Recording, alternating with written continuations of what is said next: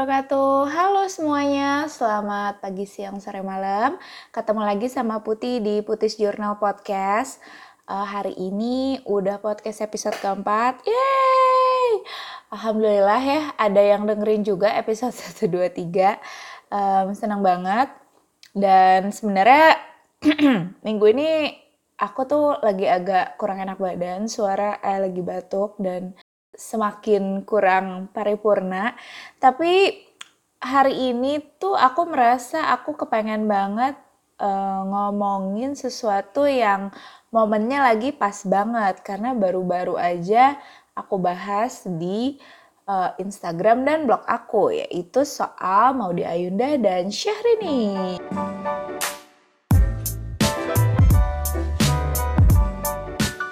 Dan soal Maudi dan Syahrini ini juga akan aku hubungkan dengan uh, Stoik, sebuah filosofi Yunani uh, atau filosofi Stoa atau kalau disebut oleh Om Henry Manapiring itu adalah filosofi teras. Ada bukunya juga. Nah, untuk yang penasaran apa nih hubungannya mau di filosofi teras dan Syahrini? Oke, okay, keep listening.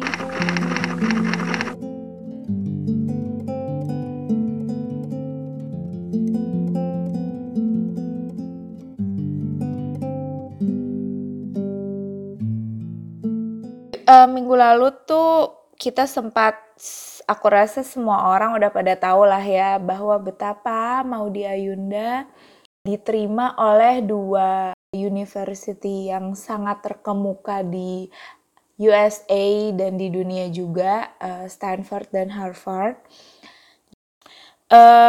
Menurut aku menarik banget nih untuk ngomongin Maudi. Aku udah sempet nge-share di Instagram bahwa aku tuh termasuk yang ngefans dan kagum banget sama Maudi karena dia tuh multi talented um, nyanyi bisa uh, acting bisa terus orangnya uh, terus nulis buku juga bisa nulis buku anak juga bisa terus uh, classy smart ya pokoknya semualah. Aku tuh termasuk yang ngefans lah sama Maudi Ayunda tapi uh, ketika kita ngomongin soal penerimaannya di Stanford dan Harvard dan orang-orang tuh kayak sibuk membanding-bandingkan dirinya dengan Maudi atau orang-orang lain dengan Maudi kayak ah ini Maudi Maudi aja bisa kalian harus mencatat Maudi bla bla bla bla bla bla. Aku merasa ads dan upayaku tahu diri tak selamanya berhasil. Tunggu dulu. Untuk bisa sampai pada posisi itu sebenarnya Maudi ini termasuk orang yang memiliki privilege atau privilege enough to be there.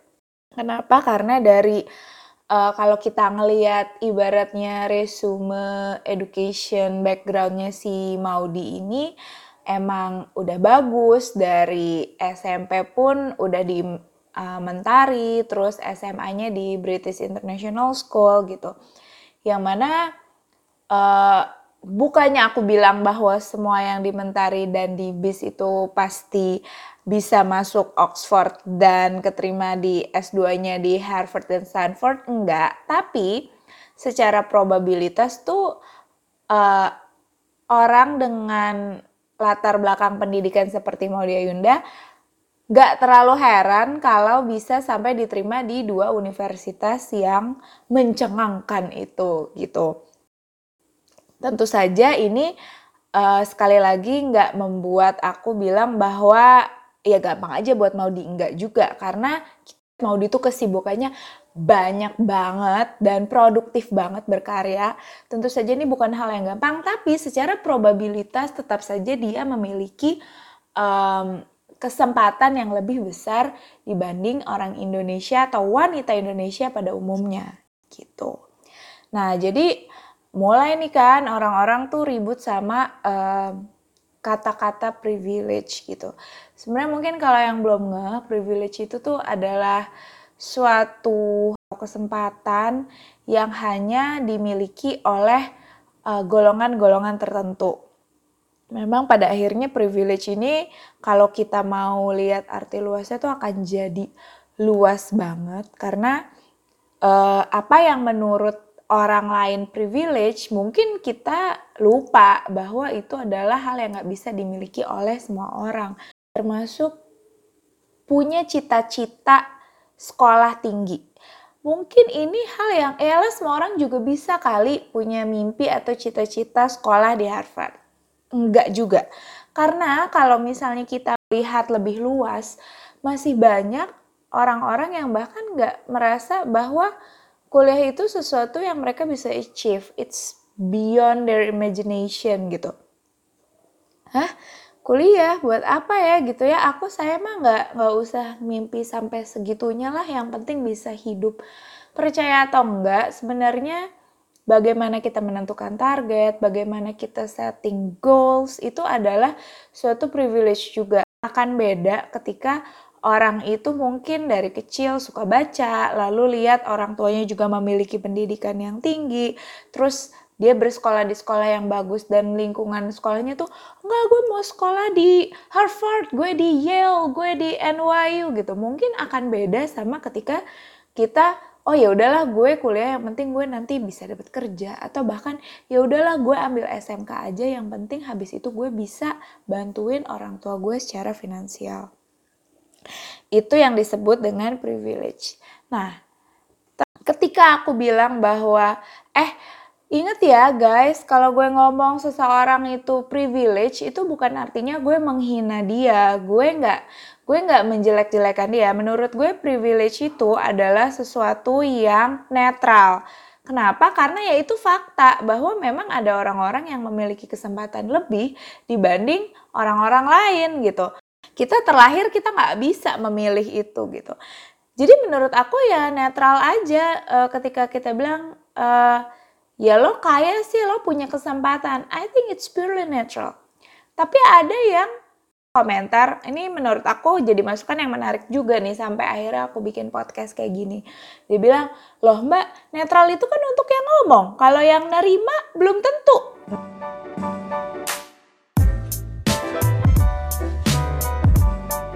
bener juga sih gitu. Ini nih yang mau aku hubungkan sama filosofi teras. Untuk yang belum tahu, mungkin jadi Om Henry Manampiring atau di Twitter terkenal dengan newsletter itu punya buku tentang uh, filosofi teras atau stoik.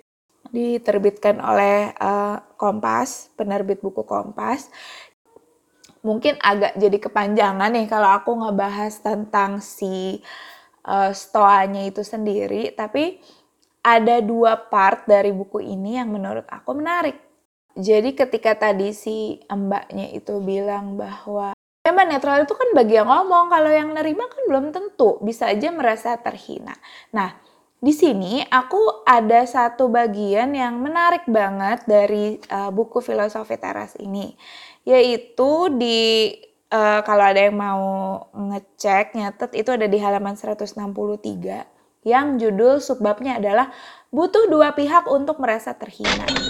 Jadi kalau kata Epictetus, ingat untuk bisa benar-benar menyakitimu, tidak cukup dengan hinaan saja. Kamu harus percaya bahwa kamu sedang disakiti. Jika seseorang sukses membuat kamu terprovokasi, sadarilah bahwa pikiranmu turut berperan dalam provokasi ini. Itulah pentingnya untuk kita tidak memberi respon secara impulsif. Berikan waktu sebelum bereaksi, maka akan lebih mudah bagi kamu untuk memegang kendali atas dirimu sendiri. Gitu, itu kata Epictetus ya, bukan kata bayi putih. Tapi benar sih, sebenarnya kadang-kadang uh, sesuatu itu tuh sifatnya netral. Tapi kita yang nggak bisa Uh, tapi pikiran kita, opini kita terhadap kata tersebut atau ungkapan tersebutlah yang membuat kita tuh jadi marah gitu, atau kita tuh jadi kesel, atau kita tuh jadi annoyed gitu. Padahal mungkin eh, kata-kata itu ya mungkin netral. Jadi ketika kita lagi ngomong, terus orang bilang privilege lo gitu. Justru menurut aku sih itu adalah suatu statement yang kita malah bisa pikirin, oh ya mungkin jangan-jangan emang bener sih gue itu termasuk ya privilege gitu. Hmm, apakah itu hinaan atau tidak itu tergantung bagaimana kita menerimanya. Jadi di sinilah menurut aku uh, aku bisa menghubungkan sama Syahrini. Jadi emang jauh banget nih dari Maudi ke Syahrini. Tapi kalau ada satu hal yang jadi aku sempat nge-share sebuah doodling di Instagram @byputi. Uh, doodling itu uh, terinspirasi dari bagaimana uh, dari sebuah potongan wawancaranya Syahrini yang dia bilang filosofi hidup itu harus disyukuri, dinikmati, dijalani. Seperti itu. Uh, itu itu hal yang menurut aku chill banget sih. Itu benar-benar um, menurut aku dengan tingkat tekanan netizen atau maki-makian yang sedang didapat oleh Syahrini, dia bisa ngomong gitu terus dia bilang ya wajar aja lah ada orang yang komen gitu gitu nanti mungkin sama manajemen dihapus di blog gitu gitu hmm, aku pribadi aku salut banget sih sama Syahrini ini sendiri menurut aku kalau ada kayak filsafat stoik.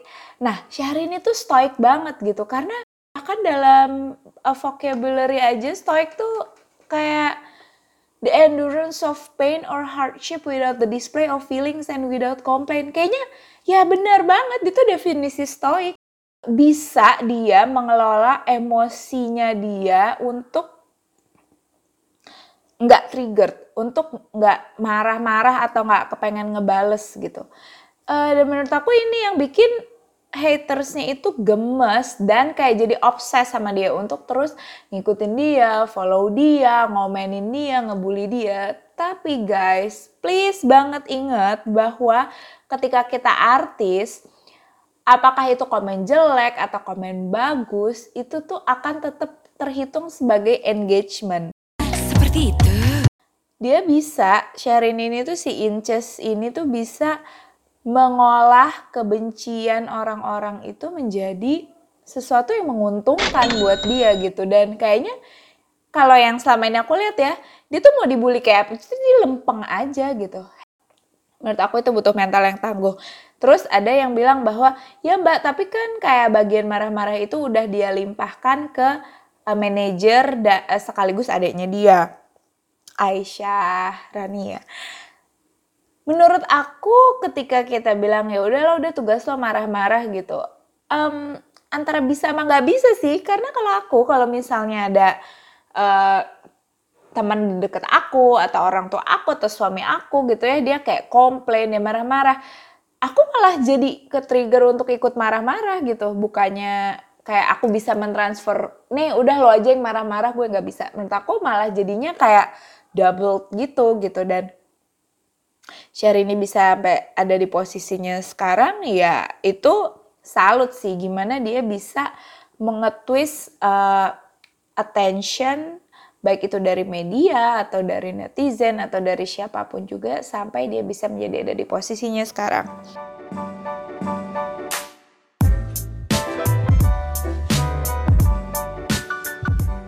Setelah kita ngomongin artis nih dari Maudi sampai Syahrini, aku mau menutup dengan sebuah kesimpulan yang ini aku dapat juga dari si uh, buku filosofi teras.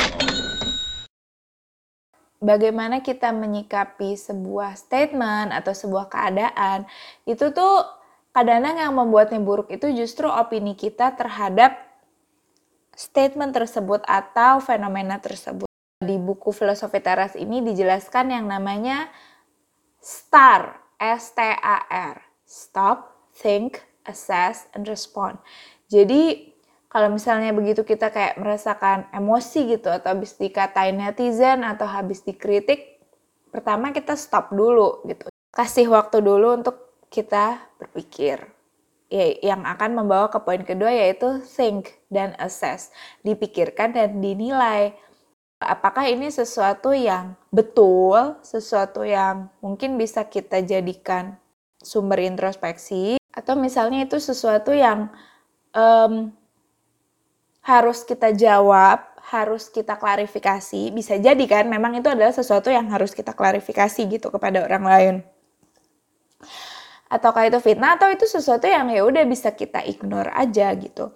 Dan barulah setelah itu air respon. Kalau misalnya kita udah stop lalu kita mikir lalu baru kita respon.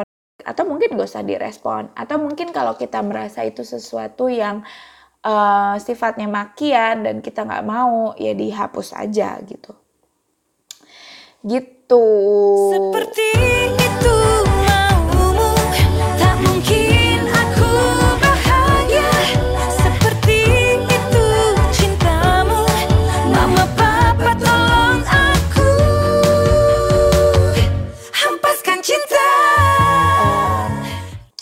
jadi itulah topik podcast kali ini. Mudah-mudahan bisa diterima.